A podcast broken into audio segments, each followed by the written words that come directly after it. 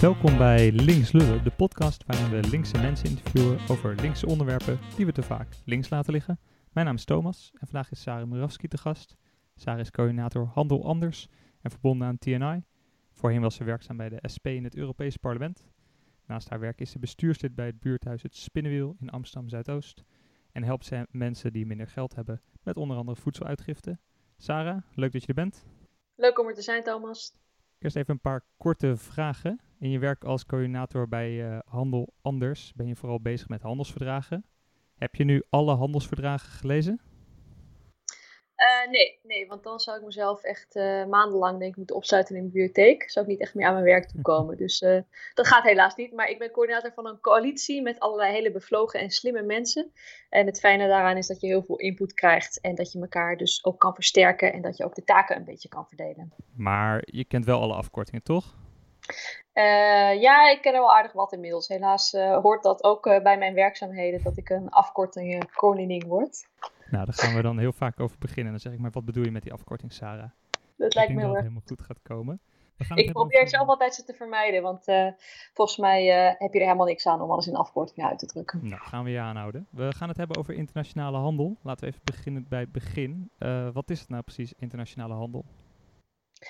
Uh, internationale handel is het handelen in uh, goederen en diensten. En het omvat ook investeringen. Uh, over het algemeen is dat tussen landen. Dus ik hou me vooral bezig met buitenlandse handel. Dus dat kan zijn zowel binnen de EU, dus op de interne markt, als daarbuiten. En daar ligt eigenlijk mijn zwaartepunt. dus de EU als handelsblok onderhandelt ook over verdragen met andere landen of andere handelsblokken. En dat is een beetje de core van mijn werk. En wat is dan handel anders? Handel Anders is een coalitie uh, bestaande uit, uh, ja, het is een heel, heel rijk palet eigenlijk van allerlei uh, betrokken activisten met name. Er zitten boeren tussen, ehm, consumentenorganisaties, vakbonden, milieuactivisten, mensenrechtenexperts, van alles en nog wat. En die verzetten zich eigenlijk tegen het huidige handelsregime. Want zij menen dat de huidige handelsverdragen en de globalisering zoals we die nu met z'n allen georganiseerd hebben, niet eerlijk is. Uh, en met name ten goede komt aan uh, grote bedrijven en rijke landen. En uh, daarmee worden de arme mensen, met name in het mondiale zuiden, de dupe. Dus wij willen een andere handel en een andere globalisering. En daar strijden we voor. En wat is dan andere handel?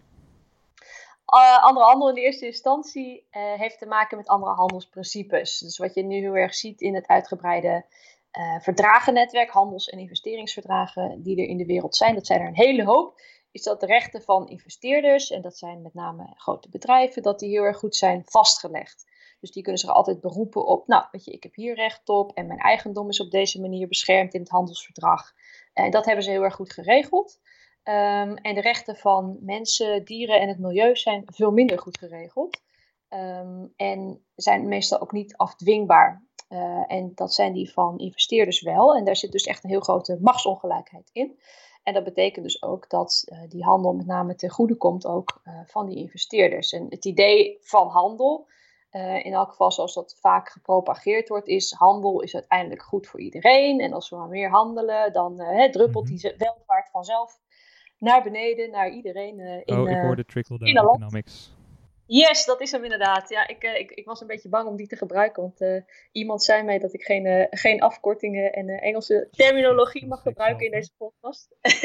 maar heel goed dat jij dat Maar ik alvast begrijp dus, handel is niet goed voor de iedereen, maar het is alleen nuttig voor het grootbedrijf. Ehm ik Nou, denk dat veel bedrijven ook wel zullen zeggen dat ze er zelf wat voordelen aan hebben. Mhm. Eh, dus nee, het is niet zo dat dat alleen zo is, dat het een- eenrichtingsverkeer is, maar eh, het is wel disproportioneel gunstig voor die grote bedrijven. Ehm, en ja, die kunnen in principe gewoon overal kunnen ze eh, een bedrijf starten, of ze kunnen een bedrijf overnemen, of ze kunnen hun goederen gewoon op een markt zetten. En daarmee bijvoorbeeld ook de lokale productie wegconcurreren. Dat is denk ik een heel erg groot probleem, met name voor opkomende economieën en landen met nog wat zwakkere economieën die juist hun markten zouden willen beschermen eh, tegen investeerders van buitenaf. Eh, dat mag vaak niet volgens de huidige handelsregels. Want het credo is eigenlijk eh, vrijhandel is heilig en altijd maar meer privatiseren, liberaliseren, minder regelgeving. en daarmee kun je dus eigenlijk ook ehm, mensen, en milieu en ook de publieke sector minder goed beschermen. En ook je eigen opkomende economie. En dus de grap natuurlijk een beetje dat Nederland zelf vroeger ook wel groot geworden is door haar eigen economie goed te beschermen. En we hebben het bijvoorbeeld ook gezien in uh, Zuidoost-Azië. Wacht even, je zegt iets interessants. Uh, hoe werkt dat dan? Je zegt vroeger heeft Nederland haar eigen economie heel sterk beschermd. Ik weet niet hoe dat zit. Nou ja, gewoon keihard uh, exporteren bijvoorbeeld. en ondertussen wel handelsbelemmeringen opwerpen um, voor concurrentie van buitenaf.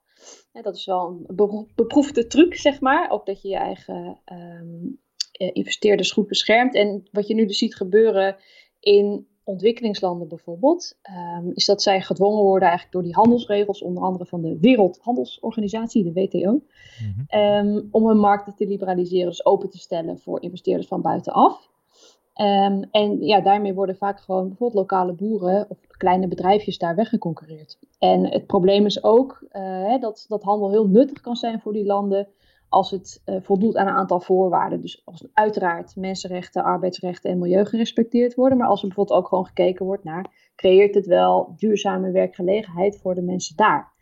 Um, en dat is nu vaak helemaal niet het geval, omdat bedrijven dan bijvoorbeeld eh, ergens heel veel geld gaan verdienen en op een gegeven moment denken van nou, nu is het hier wel weer mooi geweest of nu komt er een regime wat minder gunstig is voor ons, we trekken weer weg. En dan zit je met de gebakken peren, omdat er dan lokaal onvoldoende is opgebouwd ik begrijp het even niet zo goed. Dus handelsverdragen die er nu zijn, zijn voornamelijk de voordelen van deze grote bedrijven.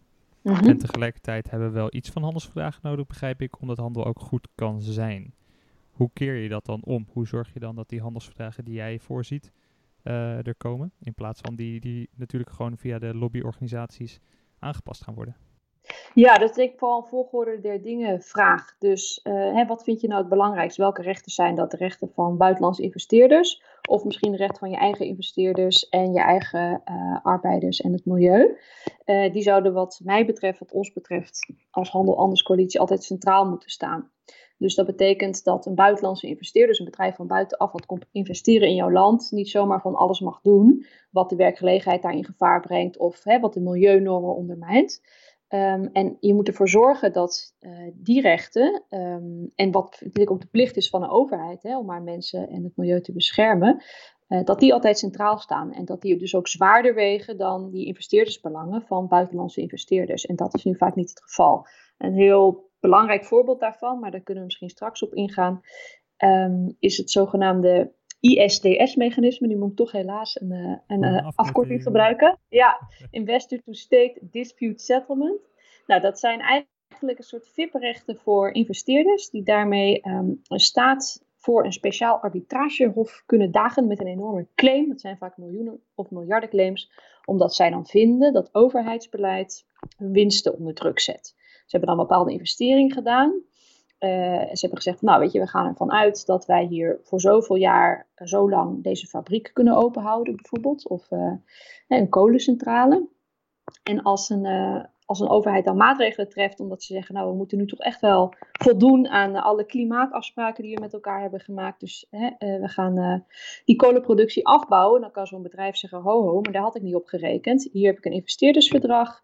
Um, daarin zijn mijn rechten goed vastgelegd en ik wil graag gecompenseerd worden voor deze overheidsmaatregel. Nou, dat kan een burger op die manier helemaal niet doen, want wij hebben geen, uh, geen toegang tot zo'n arbitragehof.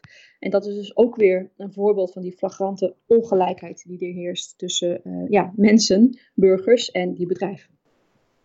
Ja, hoe kan dat? Want het lijkt mij natuurlijk heel raar dat je. Ja, er is een soeverein tribunaal. Wat, hoe werkt überhaupt zo'n tribunaal? Ik begreep dat daar drie advocaten in zitten. Eentje van het bedrijf, eentje van de overheid en een quote-unquote onafhankelijke advocaat.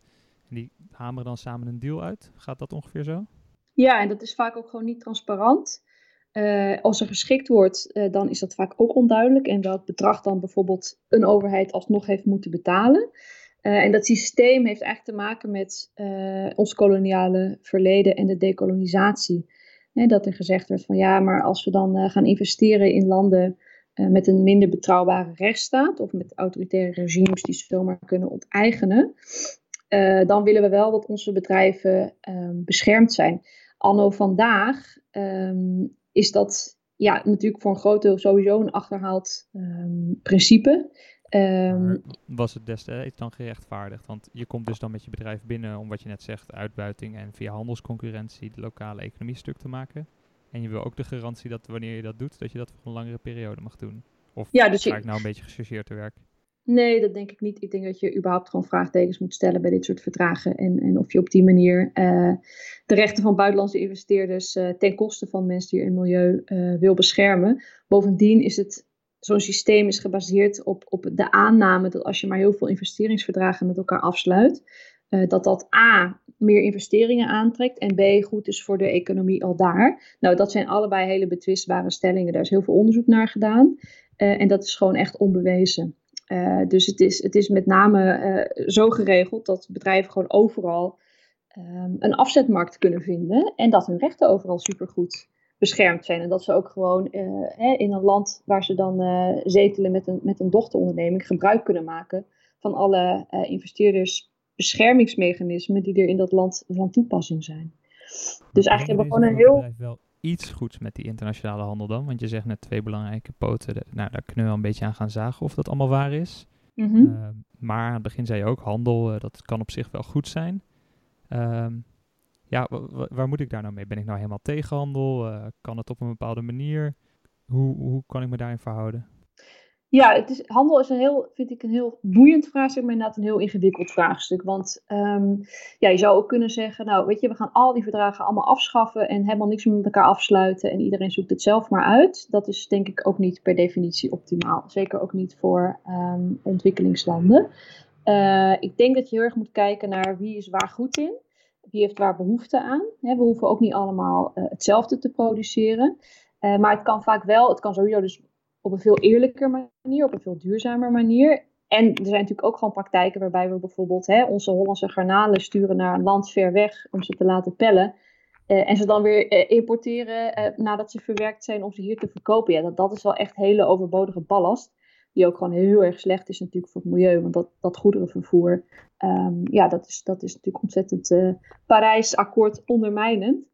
Um, en daar moeten we gewoon mee stoppen. En daarnaast denk ik dus dat je heel erg moet kijken naar hoe kunnen we landen nou in staat stellen om een eigen economie op te bouwen. En dat is vaak door natuurlijk gewoon in te zetten op lokale industriepolitiek en regionale handel.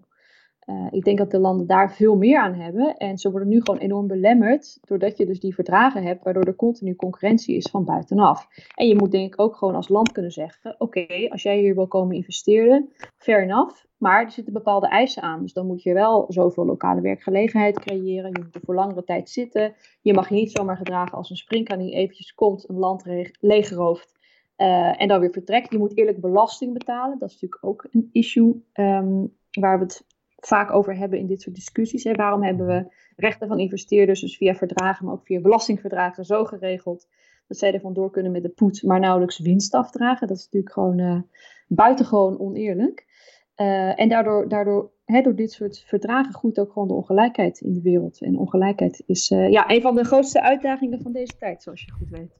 Zeker, zeker. Je geeft het ook in het begin al aan en nu gaan we er ook weer een beetje naartoe. Het globale noorden en het globale zuiden. Misschien je die begrippen even uitleggen en waarom ze belangrijk zijn in deze context. Ja, nou ja, uh, er wordt gesproken over het Westen vaak. Uh, nou ja, het Westen is sowieso al een, een diffuus begrip, maar laten we even zeggen uh, de EU en dan met name de rijke Noord-Europese landen, maar ook zeker de VS en Canada. en Australië kun je natuurlijk ook toerekenen.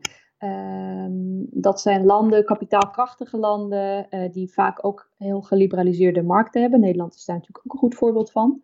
En de VS al helemaal, hè, waarbij nou, helaas voor een deel ook gewoon het recht van de sterkste heerst. En waarbij dus hè, de vrijheid van kapitaal, hè, van investeerders om overal maar te investeren en uh, met geld uh, heen en weer te smijten, waar dat allemaal heel erg goed geregeld is.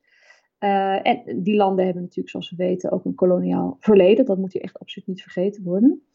Um, en aan de andere kant heb je het mondiale zuiden, wat ook heel lang gekoloniseerd is. Um, wat denk ik deels vanwege die oneerlijke concurrentie zich onvoldoende heeft kunnen ontwikkelen. En wat natuurlijk gewoon ja, eeuwenlang grandioos is uitgebuit. Uh, ook omdat daar heel veel grondstoffen zitten, onder andere.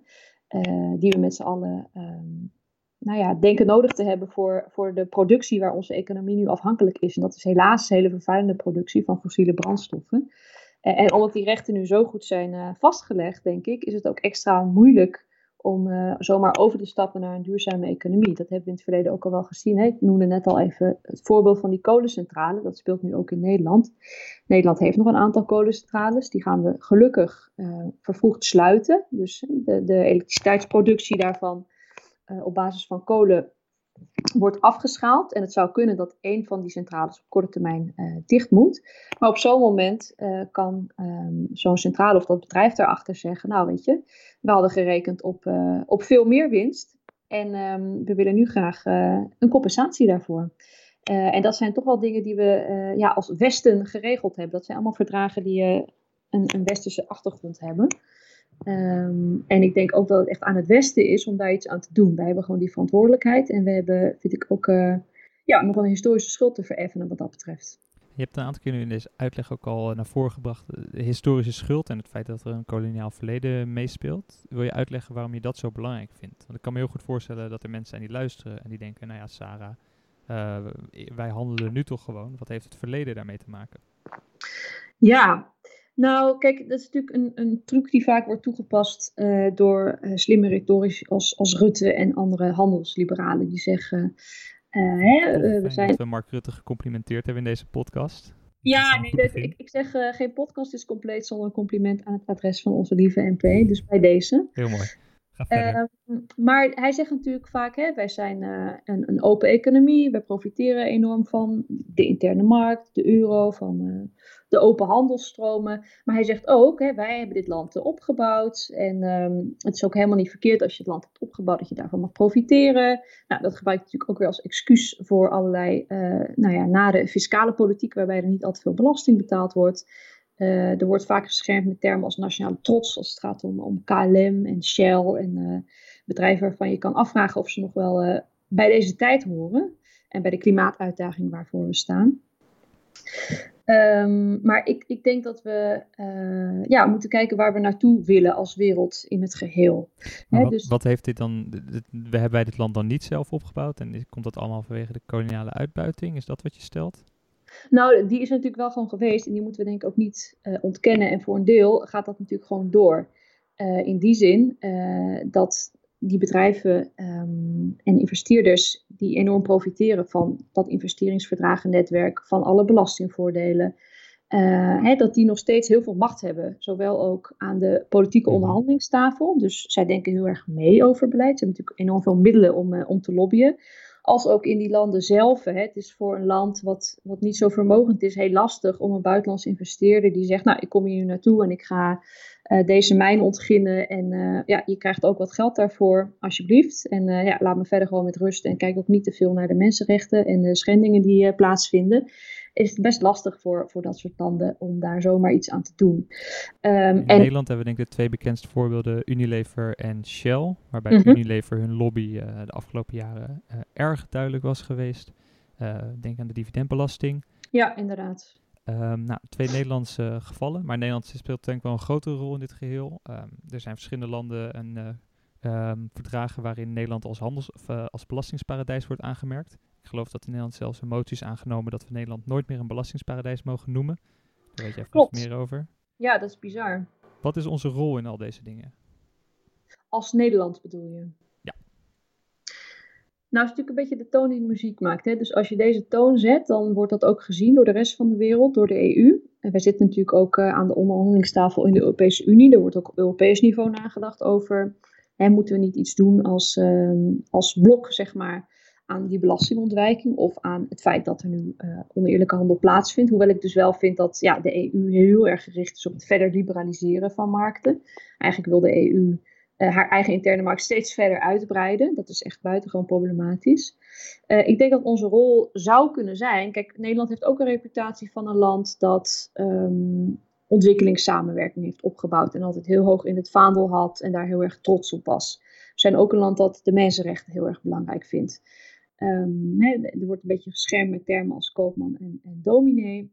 Ik vind dat de um, koopman momenteel echt. Uh, enorm aan, uh, aan relevantie heeft uh, uh, gewonnen. Als je kijkt naar, naar wat Nederland op het internationale toneel doet. Dus wij zijn vooral bezig eigenlijk met de kassen van onze bedrijven spekken.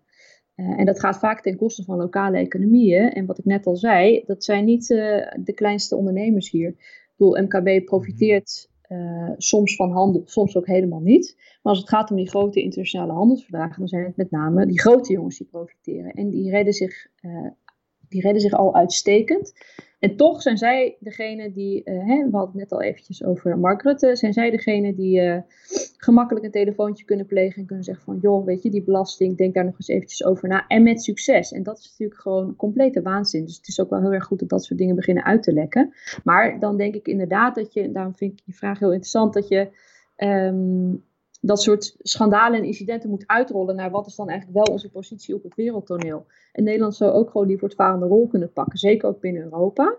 Door te zeggen van nou, we zijn heel lang een open economie geweest. Dat willen we eh, tot op zekere hoogte nog wel blijven, maar ook op een eerlijke manier. We profiteren en we hebben enorm geprofiteerd van al die uh, handelsstromen. Daar zijn we ook voor een deel afhankelijk van. Maar misschien is het niet nodig dat we uh, zo'n extreme exporteur van landbouwgoederen zijn, bijvoorbeeld. Want dat zijn we.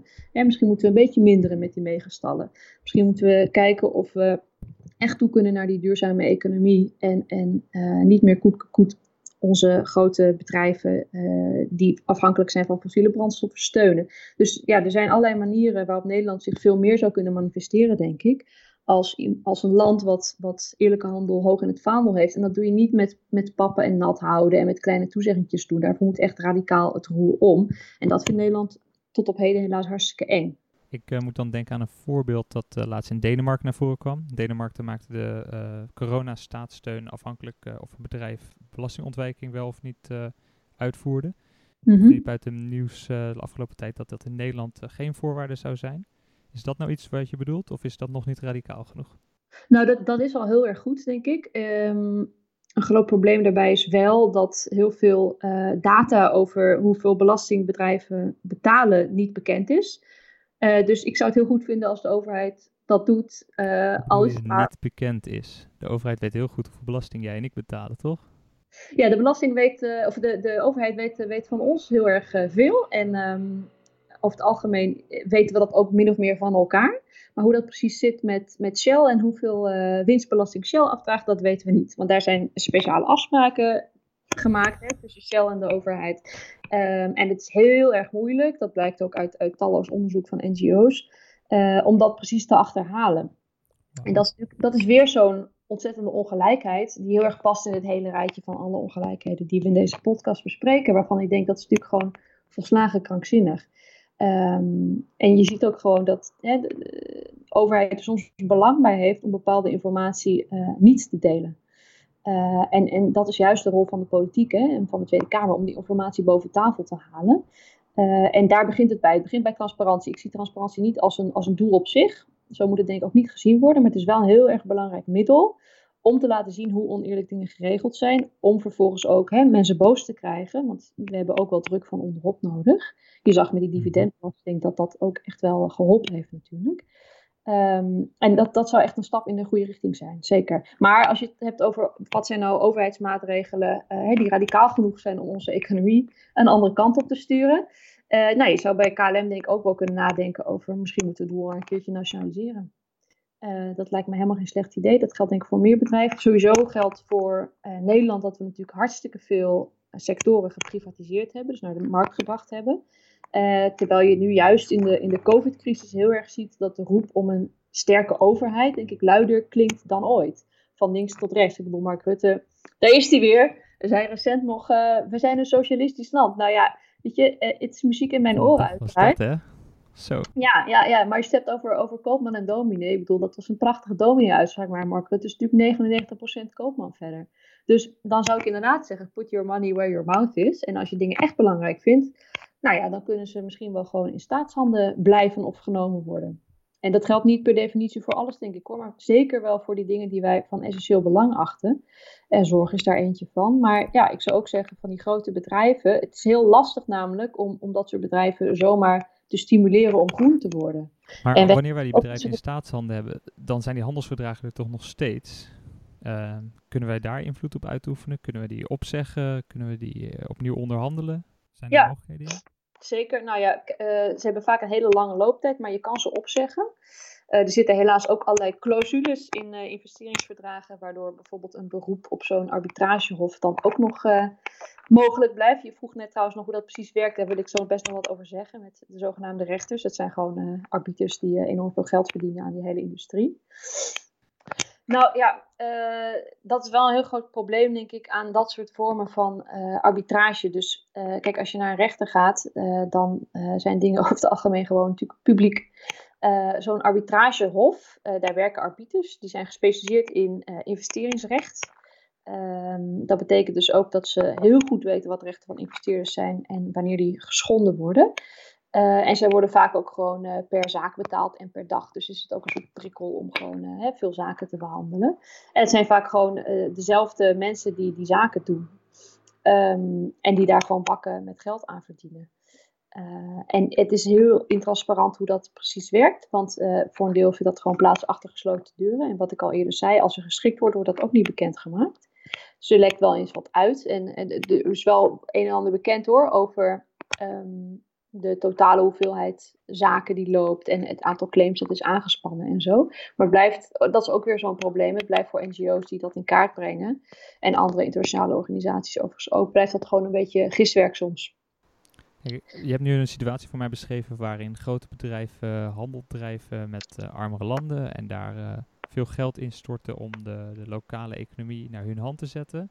Dat er wordt mogelijk vanwege handelsverdragen die, die nou ja, wij, maar de EU met hun afspreekt. Waarbij als de ehm, lokale eh, landen en de bevolking het niet mee eens is, dat er een tribunaal zit. Nou ja, uh, in ieder geval uh, financieel voordelige voorwaarden voor de grote bedrijven. Mm Dan denk ik, misschien moeten we gewoon van al die handelsverdragen Ja, vind ik helemaal geen slecht idee. Sowieso moeten we kappen met dat speciale arbitragesysteem. Kijk, ik zou zeggen, um, als je het ergens niet mee eens bent, dan kun je naar de nationale rechter, je kan naar de WTO. Je kan je verzekeren tegen een oneerlijke behandeling door een overheid. Er zijn tal van mogelijkheden als investeerder uh, om, je, om je te beschermen tegen besluiten waarvan je denkt, uh, dit was niet helemaal kies. Uh, waarvoor we daar speciale arbitragehoven voor moeten oprichten, is mij wel echt een raadsel. Um, ik zou zeggen, laat het alsjeblieft over aan de middelen die er reeds al bestaan. En als je daar niet tevreden mee bent, dan kun je ook gewoon een uh, interne verzekeringssysteem of iets dergelijks uh, organiseren. Als het gaat om die handelsverdragen, nou ja, je zou inderdaad gewoon kunnen zeggen, we, we gaan uh, de reset-knop indrukken. en we gaan verdragen met elkaar uit onderhandelen. waarbij iedereen een gelijke stem aan tafel heeft. Dat geldt zowel voor, voor de landen onderling, want meestal hebben de Westlanden gewoon veel meer te zeggen dan het mondiale zuiden. Als ook de inspraak van bijvoorbeeld het maatschappelijk middenveld van vakbonden, van NGO's, van uh, consumentenbelangenorganisaties. Als je kijkt naar uh, bijvoorbeeld TTIP en CETA, dan heb ik toch weer twee afkortingen gebruikt, maar dat zijn handelsverdragen met de VS en met Canada.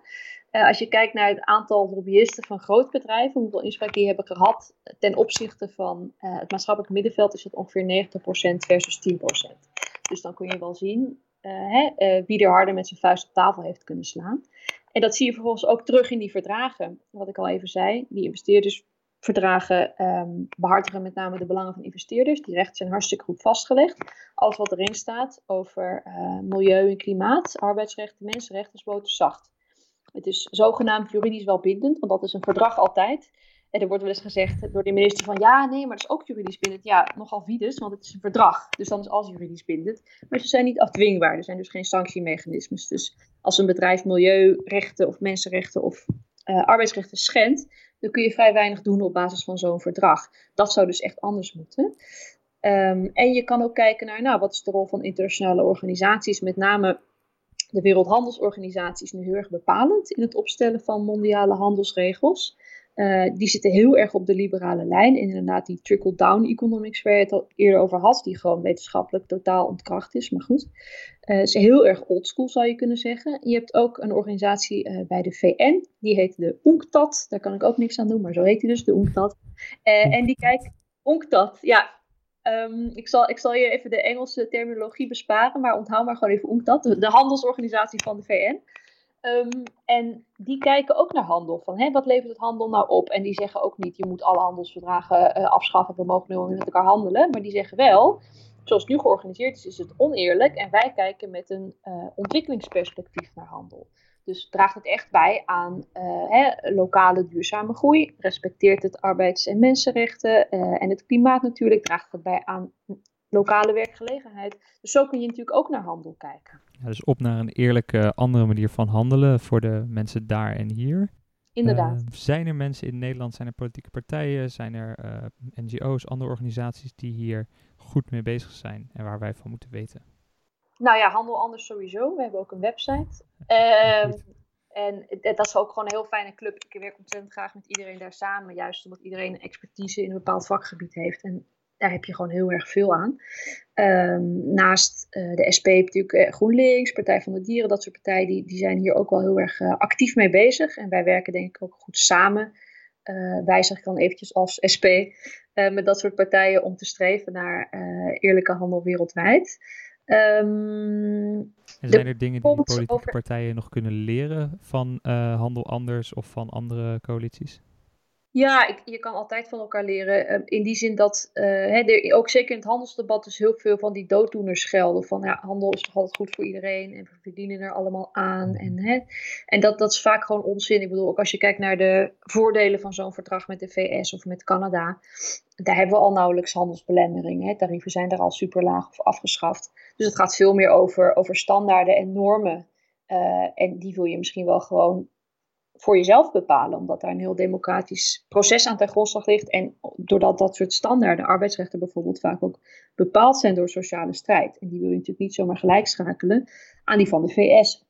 Uh, ja, en dat wil ik nog even een korte anekdote ingooien. Toen ik dit ook een keer voorwierp ten tijde van de TTIP-discussie aan een uh, ambassadeur. En die zei terug, ja, maar de handelsverdragen kunnen ook voor leiden, Thomas, dat hier betere standaarden komen. Welke ambassadeur was dat? Kun je dat zeggen? Van welk land? Niet precies meer. De Nederlandse ambassadeur aan de VS. Ja, nou ja, kijk, natuurlijk, eh, hartstikke graag. Uh, dat is over het algemeen wel niet het geval. Want ja, dan moet je altijd uitgaan van de hoogste standaard natuurlijk. Uh, als je een lagere standaard hebt, dan ga je niet opeens uh, alles op alles zetten om aan die hogere standaard te voldoen. Zo werkt het gewoon niet. Dus, en sowieso, kijk, die handelsverdragen gaan over van alles en nog wat. Over een enorme rijkwijde van sectoren, van goederen, van diensten, van internationaal, of sorry, intellectueel eigendom. Um, van wat je als bedrijf wel en niet mag overnemen, uh, aandelen die je kan nemen in een ander bedrijf. Dus ontzettend breed, zeg maar. Um, dus ja, je kan wel gewoon je eigen wensenlijstje indienen, maar je weet van tevoren natuurlijk dat dat uh, nooit helemaal gehonoreerd gaat worden. Dus ja, daardoor geloof ik zelf ook wel heel erg in um, multilaterale afspraken, dus afspraken op wereldniveau waar je gewoon met elkaar afspreekt. Nou, dit, dit, zijn de geldende en, en de richtinggevende arbeidsrechtennormen. Dit zijn de normen voor mensenrechten, voor hè, het bescherming van het milieu. En dat moet gewoon altijd primair zijn. Je kan niet een verdrag met elkaar afsluiten dat dat wat we met z'n allen hebben afgesproken en van belang vinden, dat dat ondermijnt. En daarnaast denk ik dus ook wat ik eerder zei over de publieke sector. Uh, dat een overheid altijd gewoon de beleidsvrijheid moet hebben om maatregelen te treffen die die wil, zonder dat hij een claim aan zijn broek kan krijgen. En dat is echt heel erg belangrijk, want zelfs als er geen claim wordt ingediend, wat ook wel eens gebeurt, dan kan een overheid misschien zijn beleid hebben aangepast, hebben afgezwakt. Daar hebben we gewoon voorbeelden van. Dat is ook Frankrijk overkomen bijvoorbeeld. Dat gebeurt, uh, gebeurt de beste, zal ik maar eventjes zeggen. En dat is gewoon een heel erg groot uh, risico aan dat soort mechanismes. Daarom zou ik inderdaad zeggen, gooi dat er permanent uit. Um, zorg ervoor dat er internationale organisaties zijn die leidend zijn in het bepalen van de mondiale handelsregels, die echt kijken naar wat we met z'n allen van belang vinden. Waarbij er dus extra aandacht is voor de ontwikkeling van het mondiale zuiden. Uh, en zorg ervoor dat uh, overheden gewoon altijd in staat zijn om de maatregelen te treffen die ze willen. Kijk, een heel duidelijke uh, oproep voor ons allemaal. Uh, ik vind het ook wel fijn om het een beetje concreet te maken. Ik heb nou niet de illusie dat ik morgen handelsverdragen in mijn eentje kan gaan afschaffen. Maar wat kunnen de mensen zelf gaan doen? Kunnen ze zich op een manier organiseren, ergens aansluiten en ook hun geluid laten horen? Ja, absoluut. Uh, er is een website, wij. Dat gaat dus over dat uh, handelsverdrag met Canada. Relevant denk ik aan dat verdrag is dat het gepresenteerd wordt als hè, de gouden standaard en dit is uh, het beste verdrag ever en dat gaan we gewoon gebruiken als model voor alle andere verdragen. Nou, dat bevat dus helaas ook zo'n arbitragemechanisme.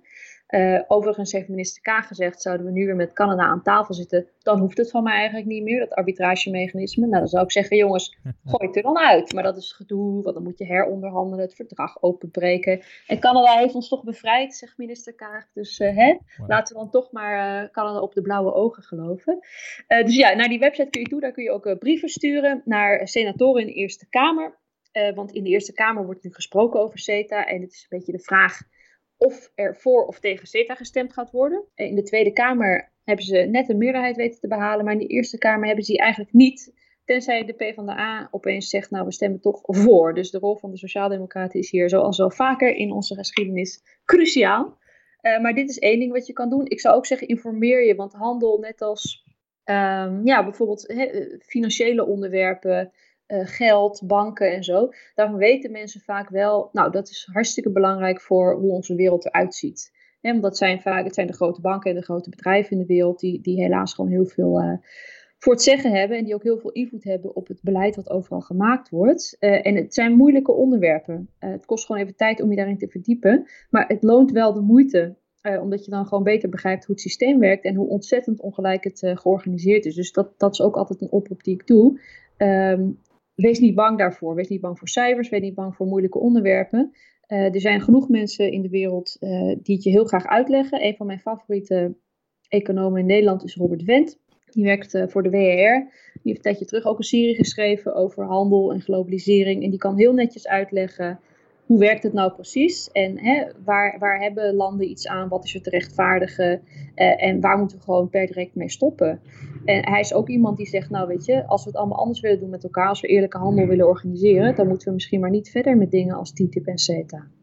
Um, en daarnaast denk ik wel dat um, altijd voor grote dingen, en zeker grote onderwerpen als dit, uh, hè, waar de belangen heel erg uh, groot zijn, zeker voor die grote bedrijven, dat politieke druk uh, noodzakelijk is. En, en daarvoor heb je natuurlijk gewoon ook mensenmassa's nodig. Dus dat betekent ook dat hè, uh, er gedemonstreerd moet worden. Dat is natuurlijk in tijden van COVID een beetje lastig. Maar ik kan me nog wel herinneren dat um, de eerste demonstratie tegen het handelsverdrag met, met de VS, TTIP, uh, stonden we met nou, enkele tientallen mensen en een hele hoop parapluutjes op het beursplein. Dat was met uh, Jasper van Dijk waar ik toe gewerkt en Ewald Engelen. En uh, nou, ik vond het natuurlijk helemaal prachtig, maar het was natuurlijk wel een beetje uh, treurig in de zin van waar zijn al die mensen? en dat is natuurlijk op een gegeven moment uitgegroeid tot echt een demonstratie waar vele duizenden bij aanwezig waren. Um, en ja, dat, dat werkt dus gewoon. Dat, dat werkt door elkaar goed te informeren, door te laten zien waar die machtsongelijkheid ligt en door vooral ook te laten zien dat het echt anders kan. TTIP is nu gelukkig ook eventjes van de agenda verdwenen. Dat komt voor een deel door Trump, maar dat heeft er ook gewoon mee te maken dat er heel veel druk was van onderop. Van mensen die zeiden, nou weet je, van mij hoeft het eigenlijk niet zo. Duidelijk. Ik denk dat we genoeg te doen hebben. Ik wil jou heel erg bedanken, Sarah, voor deze informatieve podcast. Ik heb in ieder geval veel geleerd en hoop ik de andere luisteraars ook. Um, iedereen heeft ook wel het huiswerk om te doen, dus dat is heel erg mooi. Uh, dankjewel, Sarah. Ja, nou hartstikke leuk. Ik uh, ja, vond het een leuke podcast. En uh, ik hoop dat iedereen ehm, die nog vragen heeft, mij en anderen die zich met handel bezighouden, weet te vinden. Want wij vinden het alleen maar heel erg leuk als er meer mensen zich aansluiten bij onze beweging voor eerlijke handel en eerlijke globalisering. Helemaal mooi. Dan wil ik jullie bedanken voor het luisteren. Dit was Links Lullen. Jij hebt geluisterd, wij hebben geluld. Like, subscribe en meer van dat soort onzin. Tot de volgende keer. Houdoe en bedankt.